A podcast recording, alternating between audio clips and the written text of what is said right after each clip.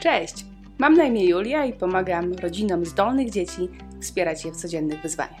Dzisiaj jest ze mną e, Urszula Soler, prywatnie mama siedmiu, ośmiu, siedmioletniego e, syna, Siedmiu. bardzo zdolnego chłopca, e, a zawodowo socjolog i badaczka, pracowniczka naukowa na, na Uniwersytecie Marii Curie Skłodowskiej, czy na Kulu? Bardzo blisko, na Kulu. na Kulu. E, Urszula, bardzo Ci dziękuję, że przyjęłaś zaproszenie i że zgodziłaś się porozmawiać i witam Cię serdecznie. Chciałabym z Tobą dzisiaj porozmawiać o tym, e, jak wyglądały poszukiwania szkoły dla Twojego dziecka, bo wiem, że mojego młodego wieku on już e, kilka szkół e, ze sobą ma. I no chyba... dopiero druga, nie przesadzajmy z tą. Druga, ale udało Ci się chyba znaleźć szkołę idealną, więc gdybyś mogła mi trochę opowiedzieć, nam trochę opowiedzieć, czym się charakteryzuje Wasza szkoła i dlaczego właśnie, właśnie takiej szkoły szukałaś, patrząc na to, czego potrzebuje Twój syn pod kątem jego, jego wyjątkowych uzdolnień?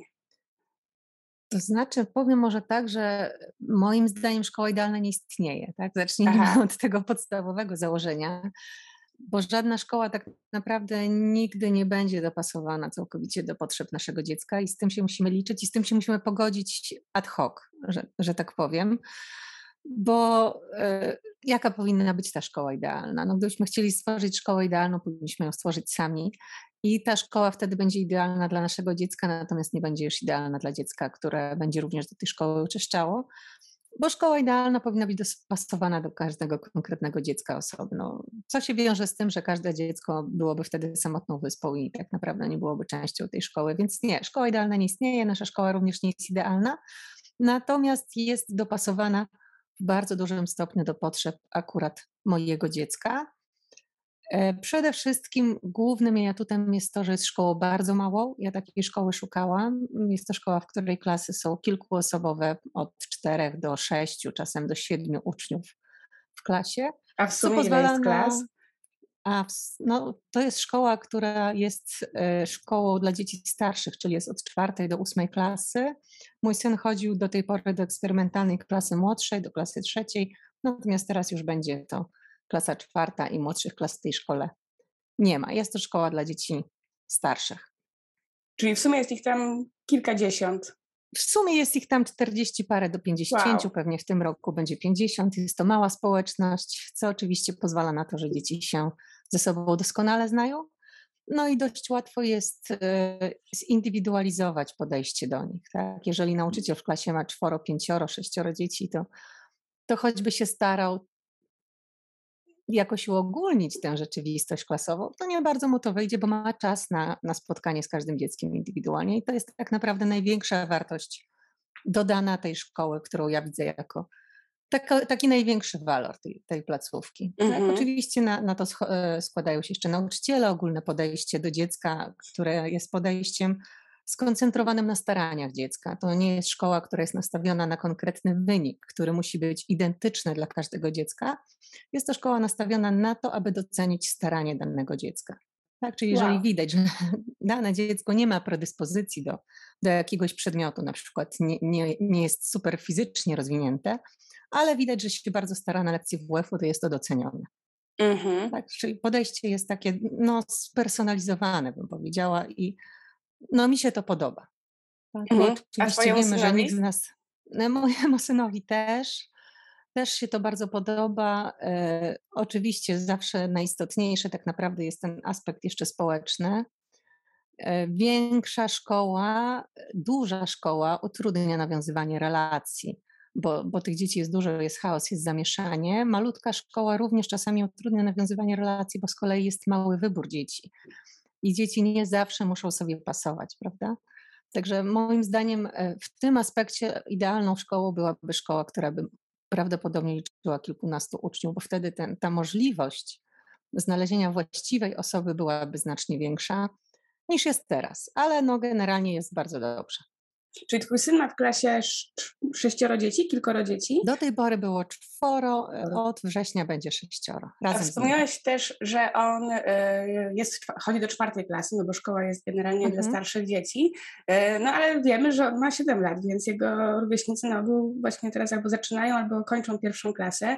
Jak, mhm. jak to jest możliwe? Jak to się stało? Gdybyś mogła opowiedzieć trochę właśnie o tej ścieżce edukacyjnej ścieżka była trudna zawsze mhm. trudna będzie. Ja się z tym liczyłam od samego początku, tak naprawdę, kiedy się zorientowałam, że, że moje dziecko jest bardzo uzdolnione matematycznie przede wszystkim, bo to w tę stronę szło.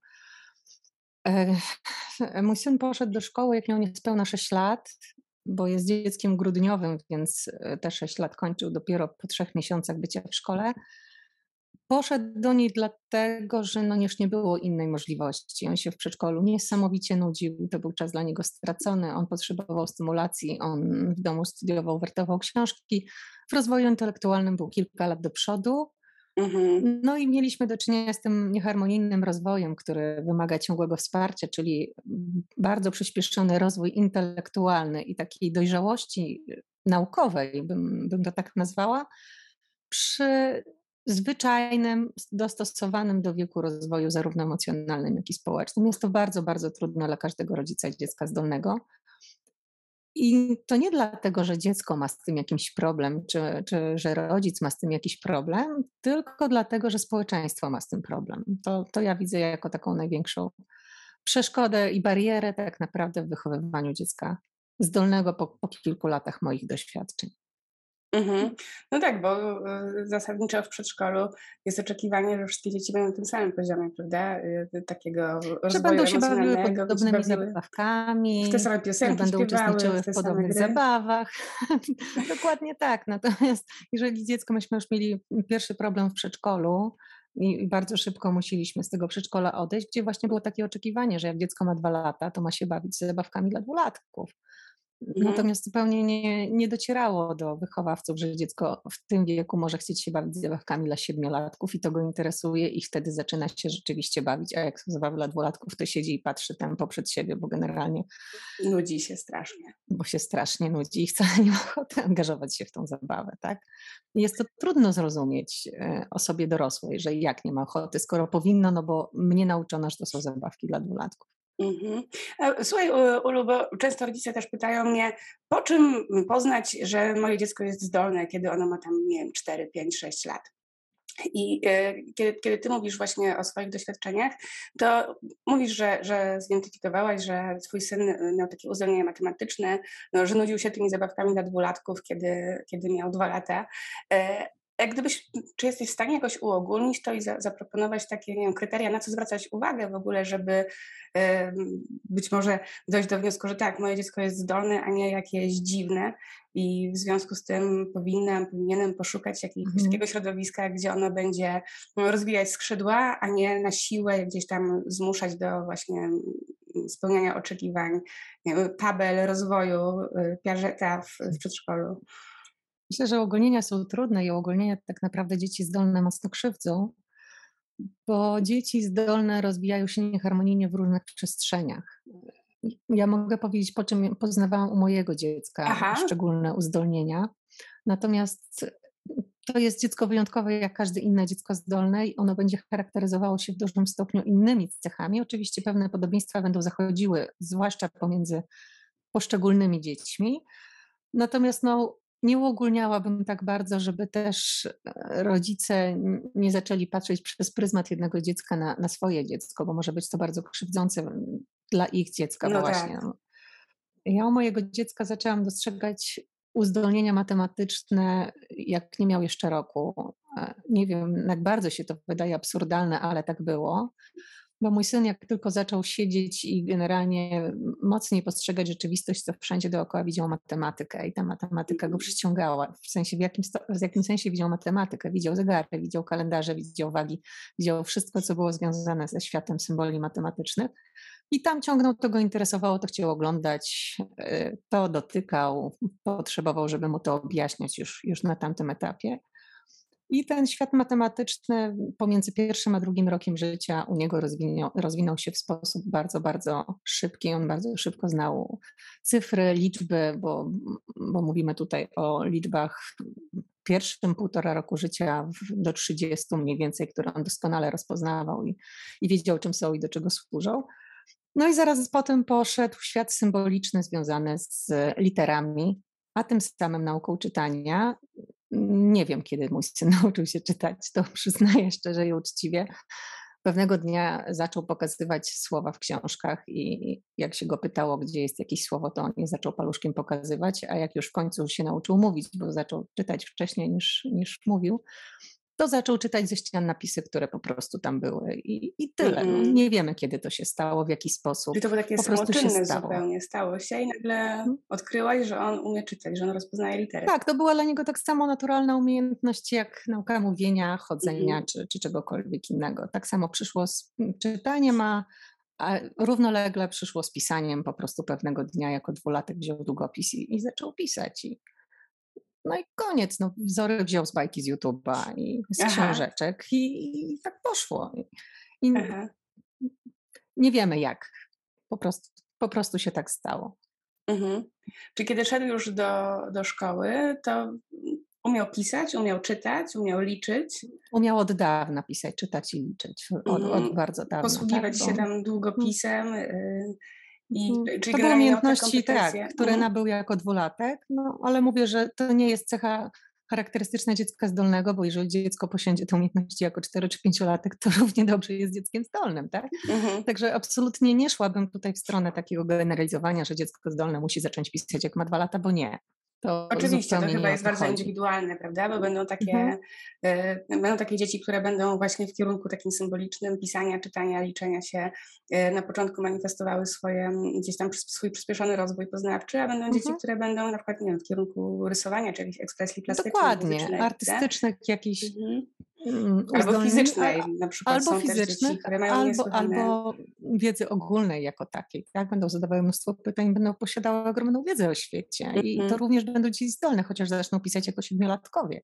Mm -hmm, Więc dokładnie. absolutnie tutaj nie szłabym w stronę tego typu generalizacji. Za każdym razem niewątpliwie jest to trudne. Mhm. No i powiedz, teraz, jest... mhm. Mhm. I powiedz teraz, kiedy on poszedł właśnie do, do wieku sześciu, prawie sześciu lat, do, do tej pierwszej klasy, do szkoły i umiał pisać, czytać, liczyć, to jak on się odnalazł w tym świecie podstawy programowej Ala Makota? E, dzisiaj narysujemy literkę A, a to jest cyferka 1. To jakoś Myślę, komentował że... w domu? Jak to, nie wiem, rozmawialiście o tym, jak to... Oczywiście, że próbowaliśmy rozmawiać, natomiast myślę, że się odnalazł o tyle, że mm, w tej pierwszej klasie miał bardzo, bardzo mądrą nauczycielkę, która potrafiła zrozumieć jego uzdolnienia i potrafiła je dobrze wykorzystać w ten sposób, że e, bardzo często angażowała go jako takiego swojego pomocnika, asystenta, który pomagał innym dzieciom w nauce tego typu rzeczy. Więc on się czuł doceniony, on mm. pokazywał innym dzieciom, jak się jakie rzeczy robi, więc dla niego ta pierwsza klasa no, nie była tak nużąca, jak było przedszkole. Poza tym było dużo innej wiedzy, którą zdobywał. Dodatkowo miał swoje lekcje matematyki, bo o to dbałam od samego początku, żeby ten jego rozwój matematyczny móc stymulować na poziomie, który jest jemu właściwy. Więc to nie było dla nas aż takim szokiem, jak e, mogłoby być. Ze szkołą niestety się po roku rozstaliśmy z innych powodów. Nie, nie wszystko działało tak, jak powinno e, się zadziać. Zmieniliśmy placówkę na tą, w której jesteśmy teraz. No, jesteśmy zadowoleni, rozstawać mhm. się nie planujemy. Ale tutaj ponownie, no syn e, przeskoczył, zmieniając szkołę, przeskoczył jeszcze o jedną klasę, więc był w pierwszej klasie, potem przez miesiąc był w drugiej, po czym przeskoczył do klasy trzeciej. Mhm. Intelektualnie również z tym sobie poradził, nie było to dla niego jakimś problemem. I dodatkowo ma, ma cały czas, bo teraz wakacje też również swoje lekcje matematyki, bo ten poziom jego matematyczny jest jeszcze, jeszcze dużo, dużo wyższy niż to, co jest, było w trzeciej klasie. No i tak, intelektualnie jest dostymulowany, radzi sobie dobrze na tym poziomie szkolnym, ogólnym, no a na poziomie swoim przedmiotów ścisłych radzi sobie na, na swoim poziomie, tak, mhm. czyli tak ileś lat do przodu. I to rzeczywiście działa, ale to działa też przede wszystkim ze względu na dobrą wolę szkoły, wsparcie szkoły i fantastycznego nauczyciela matematyki, takiej dodatkowej matematyki, na którą chodzi jako indywidualne nauczanie matematyki, które rzeczywiście działa doskonale.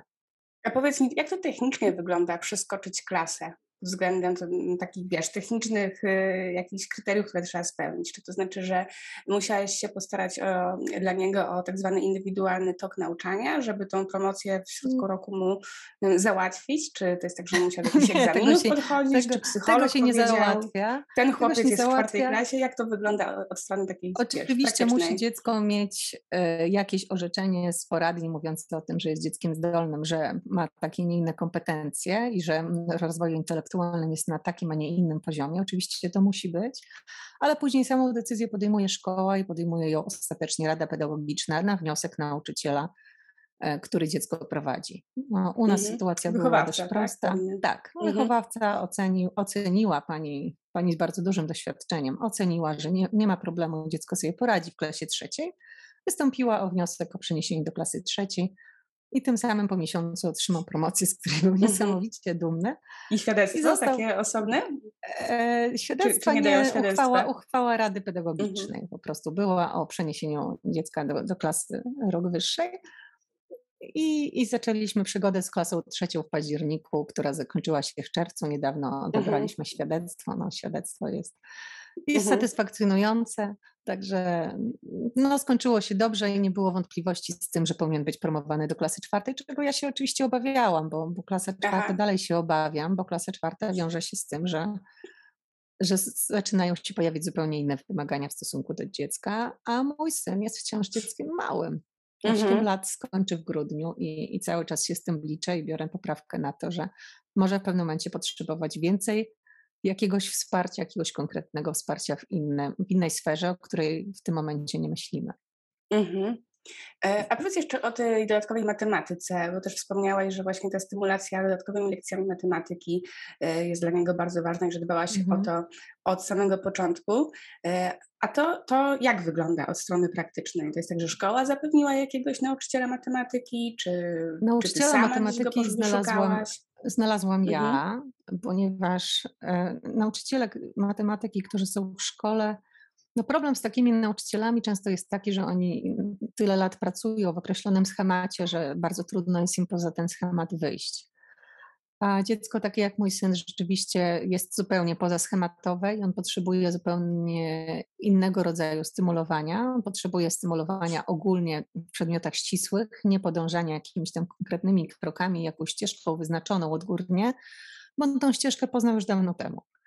I on tę wiedzę posiada, i teraz to, co go interesuje, to go interesują konkretne, jakieś wąskie już aspekty matematyki, które w tym momencie akurat są dla niego interesujące, bo, bo to się również zmienia. Była geometria, była trygonometria, no w zależności od tego, mm, co go w tym momencie zainteresuje. I cały sukces polega na tym, że nauczyciel podąża za dzieckiem, proponując mu oczywiście różne tematy, patrzy, który temat jest w tym momencie dla niego interesujący i na który jest gotowy, bo może się okazać, że dzisiaj gotowy nie jest, za trzy miesiące sam do niego wróci i i, i, zacznie rozmawiać na ten temat. Już takie mm, sytuacje mieliśmy. Także tu potrzeba dużej otwartości i dużej elastyczności ze strony nauczyciela, dlatego no ci nauczyciele oczywiście też uogólniam i to może być krzywdzące, dlatego nie chciałabym tego robić, ale często nauczyciele szkolni ma, mogą mieć z tym problem, może ujmę to w ten sposób. Nauczyciel mojego syna jest e, nie jest typowym nauczycielem, nie jest nauczycielem szkolnym, prowadzi swoją firmę, która prowadzi korepetycje online z różnych przedmiotów, ale przede wszystkim również z matematyki i fizyki. Sam jest inżynierem, mm, mhm. kształconym także za granicą, więc również anglojęzycznie e, bardzo dobrze funkcjonującym i często też wprowadzającym elementy anglojęzyczne do tej nauki matematyki. No i to jego przekazanie matematyki jest takim całościowym spojrzeniem na nauki ścisłe jako takie. Tak? On wiąże ze sobą różne pojęcia, wiąże ze sobą różne dyscypliny, i to przekazuje dziecku, pokazując mu, że to wszystko jest ze sobą w jednej spójnej całości funkcjonuje. Tak? Czyli nie uczymy się dzisiaj dodawania e, pod kreską, tylko uczymy się, jak to się może nam przydać w innych dyscyplinach, którymi się będziemy zajmować. Na przykład, tak? Czyli to nie jest takie y, po prostu ślepe realizowanie podstawy programowej z matmy, ale nie z piątej, z szóstej, z ósmej klasy, ani to nie jest robienie zbioru zadań do kangura, czy tam alfika matematycznego, nie. tylko to jest po prostu taka podróż po matematyce z przewodnikiem. Bardzo tak ładnie naprawdę. to ujęłaś. Jest to podróż mhm. po matematyce z przewodnikiem, e, z dobrym przewodnikiem, bo to jest kluczowe. Zawsze musimy pamiętać, że ta instytucja mentora w przypadku dzieci zdolnych jest, jest kluczowym w ich rozwoju, bo dzieci zdolne nie zatrzymują się na zadawaniu pytań. Tak jak wiemy o tym, że małe dzieci w pewnym momencie zaczynają pytać i i zasypują nas pytaniami, i w pewnym momencie to ustaje, uspokaja się, zaczyna się robić takie już stabilniejsze. Tak w przypadku dziecka zdolnego ten, przynajmniej z mojego doświadczenia, tak wynika, ten etap się nie kończy. Te pytania mhm. się nie kończą, one się robią bardziej skomplikowane, bardziej złożone i wymagają właściwej odpowiedzi której bardzo często rodzic w pewnym momencie już nie jest w stanie po prostu dać. Ja się, mam dużo takich sytuacji, że moje dziecko mnie o coś pyta, na przykład mama podaj mi jakiś ciekawy przykład na równanie z trzema niewiadomymi, no więc mama, co jedyne co pamięta ze szkoły, x kwadrat plus y kwadrat e, plus z kwadrat równa się coś. Mhm. No i wtedy pojawia się jęk ze strony dziecka. Mamo, no taki łatwy, taki głupi, wymyśl coś lepszego. I w tym momencie mama załamuje ręce, nic lepszego niestety nie wymyśli, więc wybiera numer do, do telefonu do nauczyciela, dzwoni, mówi słuchaj, mamy taki problem, czy mógłbyś pomóc? Mhm. Nauczyciel mówi za 15 minut widzimy się na Discordzie i pomagamy, tak? No bo to na tym ma polegać. Dziecko ma mhm. problem, szukamy rozwiązania, które rzeczywiście ten, ten problem zaspokoi.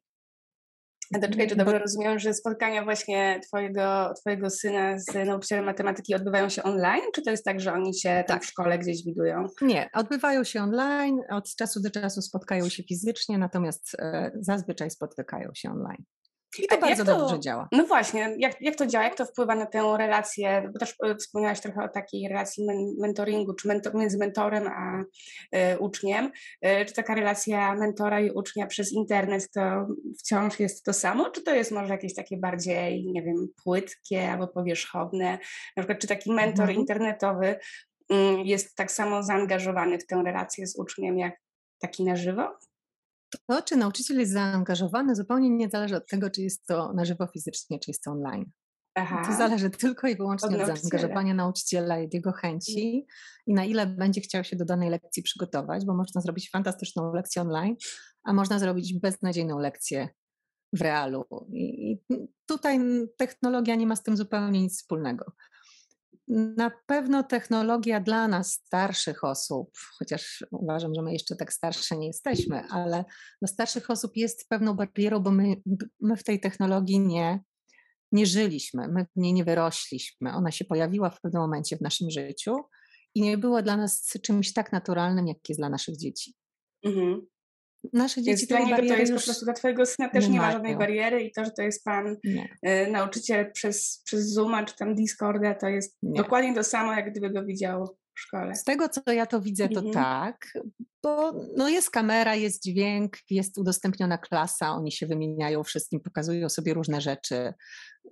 To jest dokładnie taka sama relacja, jakby była fizycznie, z tym, że jest jeden do jednego, więc no mamy tutaj ten walor indywidualizacji bardzo, bardzo duży i podążania za dzieckiem zgodnie z jego potrzebami. Ja też dbam o to i zależy mi na tym, żeby ta relacja również czasami pojawiała się w takiej sytuacji fizycznej, żeby, bo jednak uważam, że ten kontakt realny jest bardzo istotny, choćby po to, żeby się dotknąć, mhm. E, poczuć, wymienić uściskiem dłoni, bo to rzeczywiście zbliża i buduje nasze relacje i my takie spotkania od czasu do czasu mamy. Ale pierwsze spotkanie odbyło się bardzo, w sposób bardzo naturalny, kiedy się w końcu panowie poznali. Aha bo oni się już doskonale znali online i tej bariery zupełnie nie było pierwszego spotkania, z tego co, co ja obserwowałam. Ja chyba miałam większą barierę niż oni. Niż oni. Mhm. A powiedz, e, Ulu, bo mm, Słyszałam też od innych rodziców, którzy właśnie też się zmagają z e, takim zjawiskiem, że dzieci mówią, moje dziecko interesuje się czymś, o czym ja nie mam bladego pojęcia. Na przykład córka wybitnie wkręcona w biologię, a ja i mąż jesteśmy ekonomistami, no i coś tam możemy kupić mhm. w księgarni, podesłać, ale więcej, no, gdzieś jest jednak sufit naszej wiedzy. E, I kiedy szukałaś mentora dla Twojego syna, na co zwracałaś uwagę? Jak na przykład tacy rodzice mogą też podejść? Jakie rady byś im dała, e, gdyby oni szukali kogoś, kto mógłby prowadzić mhm. ich dziecko przez dziedzinę, która dla ich dziecka jest pasjonująca? Powiem uczciwie, że myśmy mieli ogromne szczęście i, i, mówię, to, i mówię to z ręką na sercu. Nasz e, nauczyciel doskonale o tym wie i powtarzam mu to regularnie. Uważam, że jest to najlepsze, co spotkało mojego syna, jeżeli chodzi o jego rozwój matematyczny w przedmiotach ścisłych, ale też taki nawiązywania relacji mentorskiej, tak? bo, bo pan, który uczył mojego syna, nie poddaję tego imienia, chociaż warto by było reklamę mu zrobić, bo naprawdę jest fantastyczny. Więc może to jest lokowanie... pomysł na kolejny podcast, żeby porozmawiać z nim o Myślę, tym, że to jest bardzo dobry ze zdolnym pomysł. dzieckiem. Mhm. Mhm. Myślę, że jest to bardzo dobry pomysł i bardzo chętnie bym go do takiego podcastu zaprosiła, jeżeli wyrazisz taką wolę, bo, bo rzeczywiście uważam, że jest to człowiek, który powinien pracować z takimi dziećmi, bo on sam był dzieckiem zdolnym, jest mhm. dzieckiem zdolnym, bo tym dzieckiem się nigdy nie przestaje zdolnym być i on to rozumie.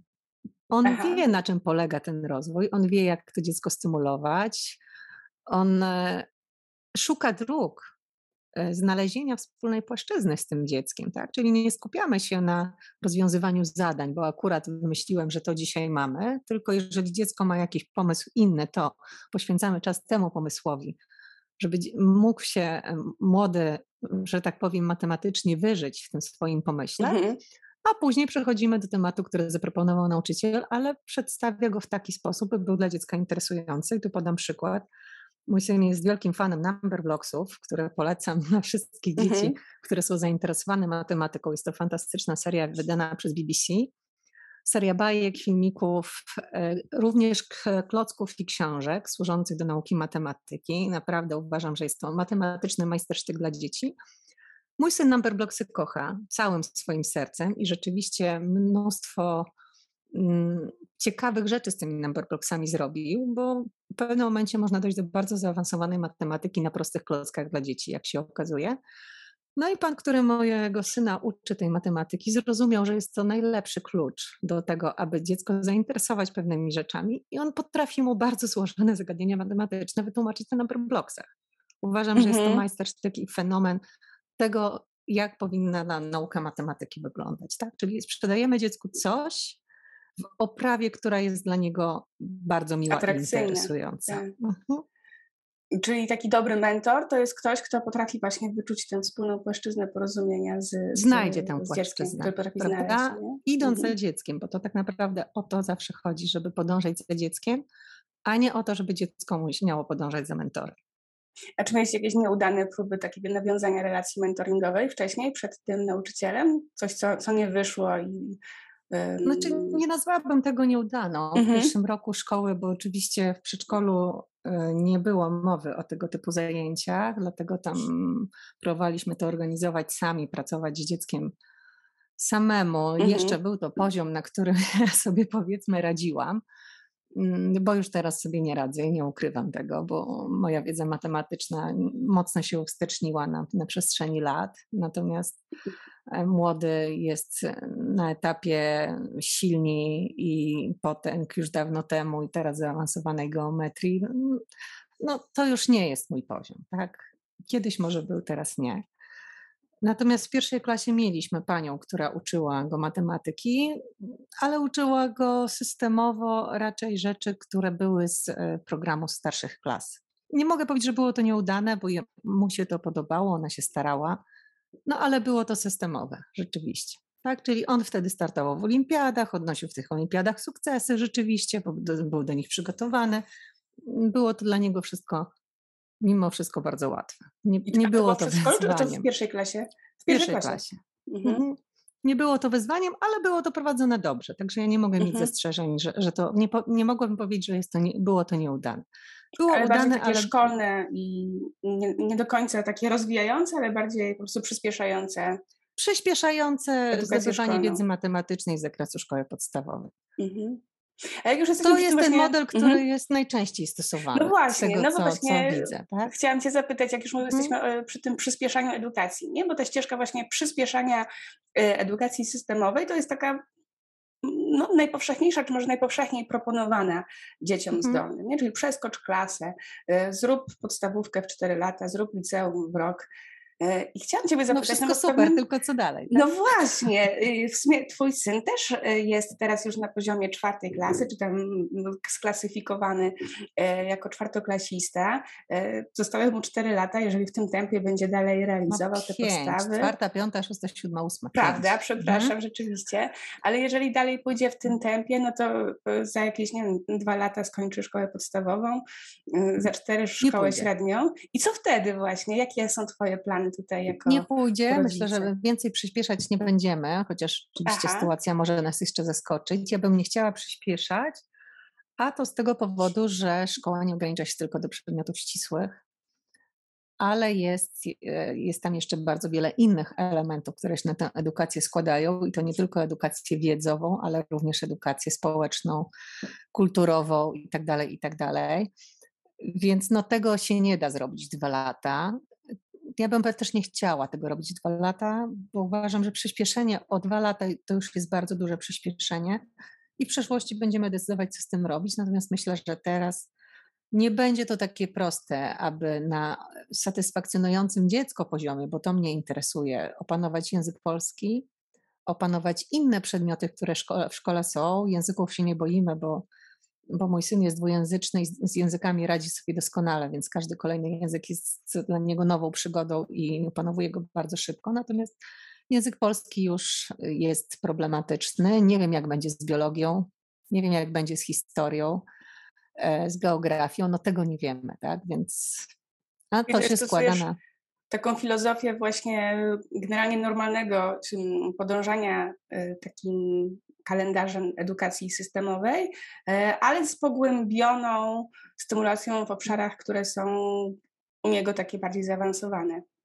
Powiem tak, nie bardzo mam wybór, bo Aha. rozważałam, rozważałam wszystkie drogi, zanim moje dziecko poszło do szkoły. Wszystkie mam na myśli edukację domową, którą odrzuciłam od razu, edukacje różne alternatywne, którym się przyglądałam przez kilka lat z dużą uwagą, łącznie z tym, że miałam pomysł na to, aby taką edukację stworzyć e, dla, dla dzieci e, o takich potrzebach.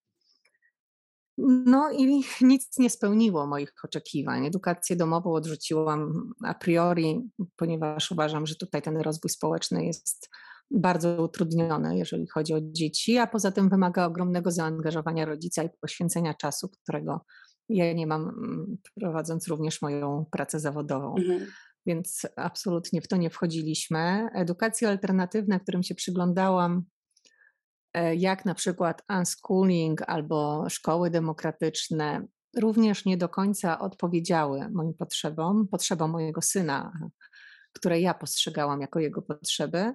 Z tego względu, że mm, z tego, co ja widziałam, jak funkcjonują te szkoły, one pozostawiają ogromną wolność dzieciom, co uważam, że z jednej strony jest dobre, ale z drugiej brakowało mi tam właśnie kogoś, kto by to dziecko prowadził, bo czym się różnią dzieci zdolne od e, dzieci, nie wiem jak nazwać, normalnych. To jest Normalne, słowo, którego ja bardzo nie, nie lubię. Mhm. Staram się nie używać, bo uważam, że jest bardzo e, niedobre dla nas Może, może dzieci w, no, w, normach e, rozwojowych. Nie ma właściwych określeń, mhm. prawda? Dzieci mhm. zdolne tym się różnią, że one szukają, one zawsze szukają, szukają tego, co je inspiruje i potrzebują stymulacji. To nie wiem, na ile ten system demokratyczny w przypadku takich dzieci, może w przypadku niektórych się sprawdza, w przypadku mojego syna zdecydowanie nie, bo są rzeczy, które są dla niego nieinteresujące, ale on musi je przyswoić. No, tego wymaga od nas system edukacji, nawet jeżeli jesteśmy w szkołach demokratycznych, to te egzaminy i tak musimy zdać. Nie jest tak, mhm. że możemy je sobie przeskoczyć. Natomiast w kwestiach, które go interesują, on potrzebuje zawsze wsparcia i mentora. On doskonale wie, czego chce. On nie musi szukać. On wie, wie, jaka jest jego ścieżka, wie, co go interesuje i potrzebuje kogoś, kto będzie go w tym wspierał na co dzień, cały czas. Więc no również te systemy u nas mm, nie zdały egzaminu. Nigdy nie byłam w szkołach Montessori, Nie wiem, jakby było tam. Troszeczkę to łączenie grup dzieci bardzo dużych z bardzo małymi mnie niepokoi w tych systemach, chociaż może się to sprawdza dobrze, ale uważam, że jest to bardzo trudne do opanowania, bo ten rozwój emocjonalny i społeczny może być skrajnie różny i jeżeli się to dobrze prowadzi, to może to funkcjonować świetnie, ale jeżeli się nie prowadzi tego dobrze, może prowadzić do katastrofy. Ja sama jestem zwolennikiem łączenia dzieci w różnym wieku ze sobą. Właśnie, w waszej bardzo... szkole, w tej, e, wspomniałaś na początku, że też jest na tyle mało dzieci, e, że one są, są ze sobą są łączone. trochę pomiksowane, połączone, prawda? Są, są pomiksowane, niektóre lekcje mają ze sobą razem, trzecia, czwarta, piąta i szósta klasa, więc no te roczniki cztery roczniki razem mają ze sobą dość dużo zajęć i one rzeczywiście wtedy działają, natomiast już takiego siedmiolatka z ósmoklasistą niekoniecznie bym chciała łączyć w jednej grupie, bo nie zawsze ósmoklasiści są do tego gotowi, może powiem w ten Aha. sposób. Tak, bo to wymaga od nich pewnej, pewnej dojrzałości do tego, aby, aby dobrze działać z tym małym dzieckiem, bo dziecko w trzeciej klasie jest dzieckiem jeszcze małym. Mhm, absolutnie. Także mieszanie jak najbardziej tak. Mi ten model pruski dzielenia dzieci według wieku nigdy nie odpowiadał i dalej nie mhm. odpowiada, mhm. bo uważam, że jest zupełnie nienaturalne. Nigdzie nie mamy takiego dzielenia na, na wiek, tak jak mamy w systemie edukacji, a wzorcem powinna być dla nas rodzina, gdzie rzeczywiście mamy osoby w bardzo różnym wieku.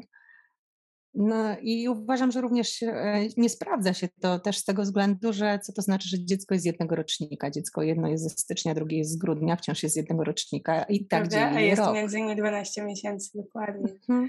A im dzieci Także młodsze, to... tym bardziej te różnice widać, prawda?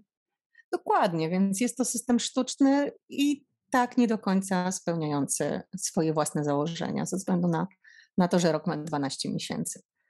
Więc tak, tam e, łączenie mamy jak najbardziej na, w określonych przedmiotach typu plastyka, wychowanie fizyczne, technika, w takich manualnych rzeczach. No i rzeczywiście to się sprawdza. Dzieci się inspirują, nawzajem sobie pomagają. To rzeczywiście jest moment, kiedy można te, te dzieci ze sobą łączyć. Natomiast już uczenie się polskiego, tak różnych dzieci wiekowo myślę, że może być dość trudne. Mhm. E, a e, Uszu, tak już końc, kończąc e, naszą rozmowę i w kontekście tych przygód szkolnych i tego, jak szukałeś dla swojego syna szkoły, niedługo już jest wrzesień, ja już myślami przy końcu wakacji niestety, ale ale e, to jest tak, że wielu rodziców, wiesz, pośle w tym roku po raz pierwszy swoje dzieci do szkoły. No i kiedy nadchodzi ten, ten moment, że zwłaszcza jak pierworodne dziecko idzie do, do tej pierwszej klasy, no to jest bardzo dużo nadziei, oczekiwań, entuzjazmu, ekscytacji, no cały taki, cała pigułka takich wielkich e, emocji związanych z tym pójściem do szkoły. Ale też kiedy rozmawiam, czy piszą do mnie rodzice zdolnych dzieci, to oni często mówią, że no właśnie tak było, że we wrześniu w pierwszej klasie e, był wielki hura optymizm mojego syna, mojej córki, mhm. e, ale po dwóch, trzech miesiącach no, już widzieliśmy, że ona, czy on, on tam po prostu cierpi. Nie? I co ty byś poradziła jako mama, która przeszła tę drogę i też gdzieś tam zauważałaś, że to nie jest ta szkoła, nie? że gdzieś byłaś tak świadomie podchodziłaś do znajdowania odpowiedniego środowiska dla, dla, dla twojego syna. Co byś poradziła takim rodzicom? Kiedy oni powinni, Twoim zdaniem, właśnie wiem, gdzieś tam dzwoneczek alarmowy sobie włączyć i e, zebrać wszelką energię, żeby poszukać lepszej szkoły, a kiedy jeszcze jest ok i dać na wstrzymanie i przeczekać to, bo to tylko kryzys. Wiesz, emocje rodzice mają różne w takich mhm. sytuacjach, gdy dziecko się nie odnajduje jakoś. E, jak, jak Ty na to patrzysz? Co byś poradziła? Trzeba liczyć się z tym, że kryzysy będą. I one zawsze są. Mój syn również takie ma. Przychodzi moment znużenia, znudzenia, zmęczenia. Albo się z kimś w szkole pokłóci, albo ktoś mu dokuczy, i to wszystko powoduje sytuacje kryzysowe. I każdy rodzic się z tym będzie zmagał, to nie tylko w pierwszej klasie, ale tak naprawdę już do końca etapu edukacji. Co ja bym poradziła? Po pierwsze, szukać przyczyny. Jeżeli od dziecka nie jesteśmy w stanie się jej dowiedzieć, to poszukać jej w szkole bo jakaś przyczyna zawsze musi być, kiedy dziecko odmawia nam pójścia do szkoły. Ono nie robi tego po to, żeby nam dokuczyć, a jeżeli się do tego pojawiają nam jakieś symptomy fizyczne, typu biegunki, gorączka, ból brzucha albo tym mhm. podobne rzeczy, to się okazuje, że problem jest poważny. I tu przede wszystkim najpierw szukałabym przyczyny, żeby zrozumieć, czy da się ten problem rozwiązać i przyczyny wyeliminować na poziomie szkoły. Jeżeli Kiedy się da... twierdzisz, że brzuszek i główka to nie jest szkolna wymówka, tylko naprawdę prawdziwa Znam takie przypadki, takich mhm. psychosomatycznych symptomów, i wystarczyło zmiana e, środowiska i, i, wszystkie symptomy mijały. Tak? Także rzeczywiście czasami mm, przede wszystkim warto tych dzieci naszych słuchać. Mhm. Warto z nimi rozmawiać i, i warto ich naprawdę wysłuchać, bo one nam powiedzą, jeżeli będą czuły się dobrze i bezpiecznie, to nam powiedzą, gdzie jest problem. A mi Oczywiście. Mhm. Mhm. Proszę, proszę. Dopytam się jeszcze, czy miałeś taką sytuację na przykład z twoim synem, że, że on no, narzekał na coś, czy nie chciał pójść do szkoły i e, odnalazłaś przyczynę e, i chciałaś ją zaadresować na przykład z nauczycielami nie? w szkole twojego syna. Mhm. E, jak do tego podchodziłaś, żeby też no, nauczycieli mieć po swojej stronie, czy po stronie twojego dziecka, a nie w opozycji na zasadzie, no wiesz, niektórzy też rodzice opowiadają o tym, że zostali potraktowani jak matka wariatka, tak? Czy jak jacyś szaloni, szaleni rodzice y, z pretensjami roszczeniowi, bo uważają, że ich dziecko jest tutaj najmądrzejsze i zasługuje na jakieś mm. specjalne traktowanie. Y, I właśnie mhm. jak, jak ty stawiasz się w relacji z nauczycielami, żeby gdzieś mieć taką siłę przełożenia i, i traktować ich jak partnerów, czy być z nimi w takim partnerstwie? Sama sobie odpowiedziałaś na to pytanie. Tak, ale wiesz, technicznie, jak to robisz? zaczynamy od traktowania się jak mhm. partnerów. Ja zanim, przysz... zanim przyszliśmy do nowej szkoły, ja się spotkałam zarówno z dyrekcją, jak i z, nauczyciela, z nauczycielem. I... Jeszcze przed i rozpoczęciem roku? Jeszcze przed. I przy... Mhm. zanim zapisaliśmy się do szkoły, przedstawiłam, jakie są problemy i przedstawiłam, jakie są oczekiwania z naszej strony z pytaniem, na ile szkoła zechce im na nie odpowiedzieć, zechce je zaadresować i na ile ma możliwości, żeby nasze potrzeby zaspokoić. Tak, czyli musimy rozpoznać teren wcześniej, zanim mhm. dziecko do szkoły zapiszemy, co oczywiście nie gwarantuje nam sukcesu, bo szkoła może nas zapewniać, że wszystko będzie super, zrobimy wszystko tak, jak pani chce, natomiast potem okaże się, że rzeczywistość jest zupełnie inna i może się tutaj pojawić problem, który doprowadzi do tego, że placówkę będziemy musieli zmienić i to trzeba przyjąć po prostu do wiadomości. Trzeba się z tym liczyć, że taka sytuacja może mieć miejsce. I specjalnie ja bym się nią nie przejmowała. Szkół mamy dużo mhm. i mamy wybór. Wciąż jeszcze mamy wybór, więc naprawdę nie musimy być przywiązani do określonej placówki. Ja wiem, że często rodzice się boją tego, że zmienianie dziecku środowiska jest dla niego destrukcyjne. Może tak być, tym, że dziecko po kilku miesiącach w szkole jest jeszcze na tyle mało związane i na tyle plastyczne w tym wieku, że dla niego taka zmiana chyba jest mniej traumatyczna niż dla rodzica. No tak, zwłaszcza jeżeli samo narzeka, tak? Czy samo nie chce do tej szkoły chodzić, to wtedy chyba jest trochę łatwiej zmienić szkołę mhm. niż, niż jeżeli kocha tę szkołę na. Z nauczycielami trzeba po prostu rozmawiać uczciwie, mówić jaki jest problem i zapytać ich, jakie oni widzą rozwiązanie, bo może mhm. widzą. Mhm. Myślę, że nie warto naskakiwać, nie warto przychodzić z awanturą, bo to oczywiście od razu nam powoduje sytuację konfliktową, która na pewno nie służy naszemu dziecku. Tak? Więc ja bym szła bardziej w dialog i wspólne szukanie rozwiązań, czyli naświetlenie problemu, y, wskazanie, na co dziecko pokazuje, co jest problematyczne, poszukania przyczyny razem z nauczycielem i zobaczenia, jakie nauczyciel czy też dyrekcja ma propozycje na na rozwiązanie tego problemu, bo z dużym prawdopodobieństwem będzie je miało, jeżeli podejdziemy do tego w sposób pokojowy.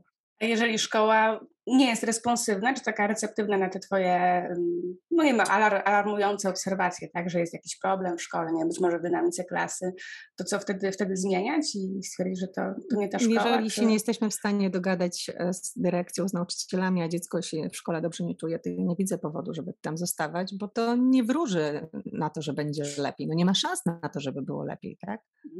Ja bym Super, zmieniała w takiej mówisz. sytuacji. Mhm. Super, że o tym mm. mówisz, bo y, wiesz, też w pokoleniu naszych rodziców, no to nie była norma, żeby chodzić tam do szkoły, sprawdzać i rozmawiać z dyrektorem i pytać, czy, czy mhm. ta szkoła się zaopiekuje potrzebami naszego dziecka.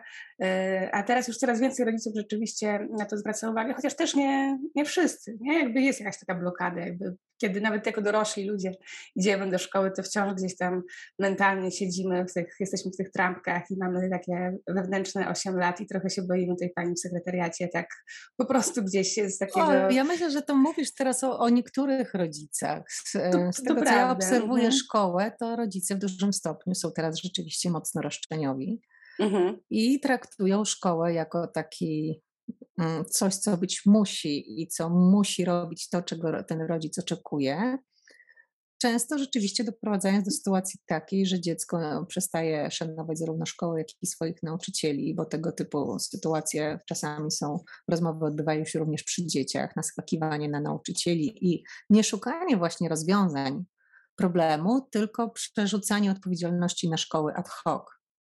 Tak, czyli to na pewno moje dziecko nie jest winne, jest super, jest cudowne, a na pewno szkoła zawiniła i ty nauczycielu jesteś zły to nie prowadzi nam do niczego, a takich rodziców tam teraz mamy bardzo dużo i to niezależnie od tego, czy chodzą mm. w mhm. trampkach, czy też nie. Mm-hmm. Tramp, mm-hmm. Trampki to akurat bardzo dobre obuwie. Prawda. więc, więc ja polecam. Natomiast no, moim zdaniem zawsze jest ważny dialog i jest ważny ten dialog z takiej płaszczyzny jednak mm, porozumienia. Przyjęcia z góry, że jedna i druga strona chce jak najlepiej dla naszego dziecka. Tak? Oczywiście może się zdarzyć nauczyciel trudny, z którym nie, nie czujemy chemii, już tak powiem kolokwialnie. I to może być wtedy problematyczne, oczywiście. Mm, ale mimo to wychodziłabym z tej jednak z założenia, że jesteśmy po to, żeby mojemu dziecku pomóc, tak? zarówno ja, jak i, jak i nauczyciel, że to jest nasze wspólne zadanie. I myślę, że warto stawiać sprawy jasno i przede wszystkim stawiać jasno oczekiwania, które mamy w stosunku do szkoły i nasze, funkcjonowania naszego dziecka w szkole. Ja na przykład na samym początku ubiegłego roku powiedziałam, że absolutnie mi nie zależy na tym, żeby moje dziecko było omnibusem ze wszystkiego i wprost przeciwnie, wcale tego nie chcę. Mnie interesuje to, żeby rozwijało swoje pasje i rozwijało to, w czym rzeczywiście jest dobre i w czym się świetnie czuje. Natomiast wiem, że niektóre przedmioty zdać musi, bo taki jest nasz system edukacji, więc chcę, żeby je zdało i, i nie widzę powodu, aby się na tym jakoś tam specjalnie koncentrować i napinać, bo, bo czymże jest czerwony pasek? z perspektywy Super. naszego życia. Super, Niczym, tą, tak? tą konkluzją chyba myślę, że możemy zakończyć naszą, naszą rozmowę. Bardzo Ci, e, Urszula, e, dziękuję za podzielanie się doświadczeniami e, i mam nadzieję, że po wakacjach Twój syn i też Ty jako mama wrócicie do szkoły z dobrym nastrojem. No nastawienie mamy dobre i to jest najważniejsze, już się przetestowaliśmy, wszystko działa. Planujemy teraz kolejne przedmioty ścisłe, bo bo zaczyna się czwarta klasa i rzeczywiście działa to dobrze. Szkoła zakupiła drukarkę 3D, zaczyna rozwijać warsztaty. Wymarzona drukarka 3D. Wymarzona drukarka 3D, która jest również w domu i tutaj też już zaczynamy zajęcia swoje różne pro, projektować. I rzeczywiście jest to coś, co dziecko stymuluje, zachęca do działania i sprawia, że że ono chce pójść, bo również będzie chciało podzielić się wiedzą ze swoimi rówieśnikami nie rówieśnikami, bo jest najmłodszy z całej szkoły, mhm. z swoimi starszymi kolegami, mhm. z wiedzą, którą posiada z tego względu, że ma właśnie dodatkowe zajęcia, których jego koledzy nie mają. I to jest właśnie kolejny ten fajny aspekt, który sprawia, że pamiętajmy, że dzieci zdolne się swoją wiedzą bardzo chętnie dzielą. Tylko trzeba im na to pozwolić. Dziękuję Ci bardzo, Ula. Was zapraszam na stronę www.dziecizdolne.pl, a także lajkujcie, subskrybujcie i dawajcie też znać w komentarzach, o czym jeszcze chcielibyście posłuchać. Do zobaczenia.